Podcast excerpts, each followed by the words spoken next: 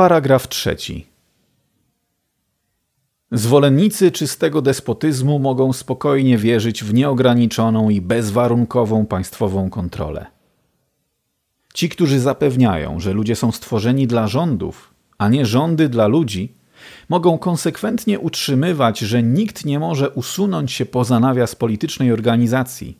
Jednak ci, którzy twierdzą, że ludzie są jedynym prawowitym źródłem władzy, że autorytet ustawodawczy nie jest pierwotny, a upełnomocniony, nie mogą odmówić prawa do ignorowania państwa, nie popadając w absurd.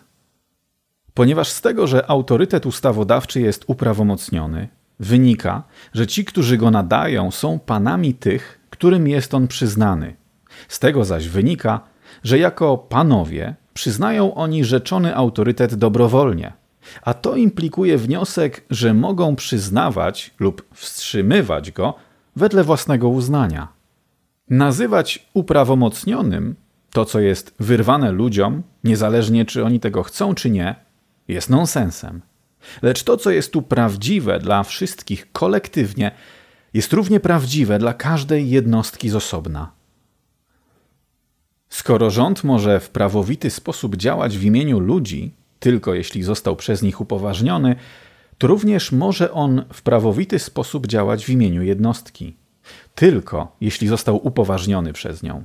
Jeśli A, B i C debatują, czy powinni zatrudnić pełnomocnika, który wykona dla nich pewną usługę, i podczas gdy A i B zgadzają się, C się wyłamuje, C nie może stać się częścią tej ugody wbrew sobie.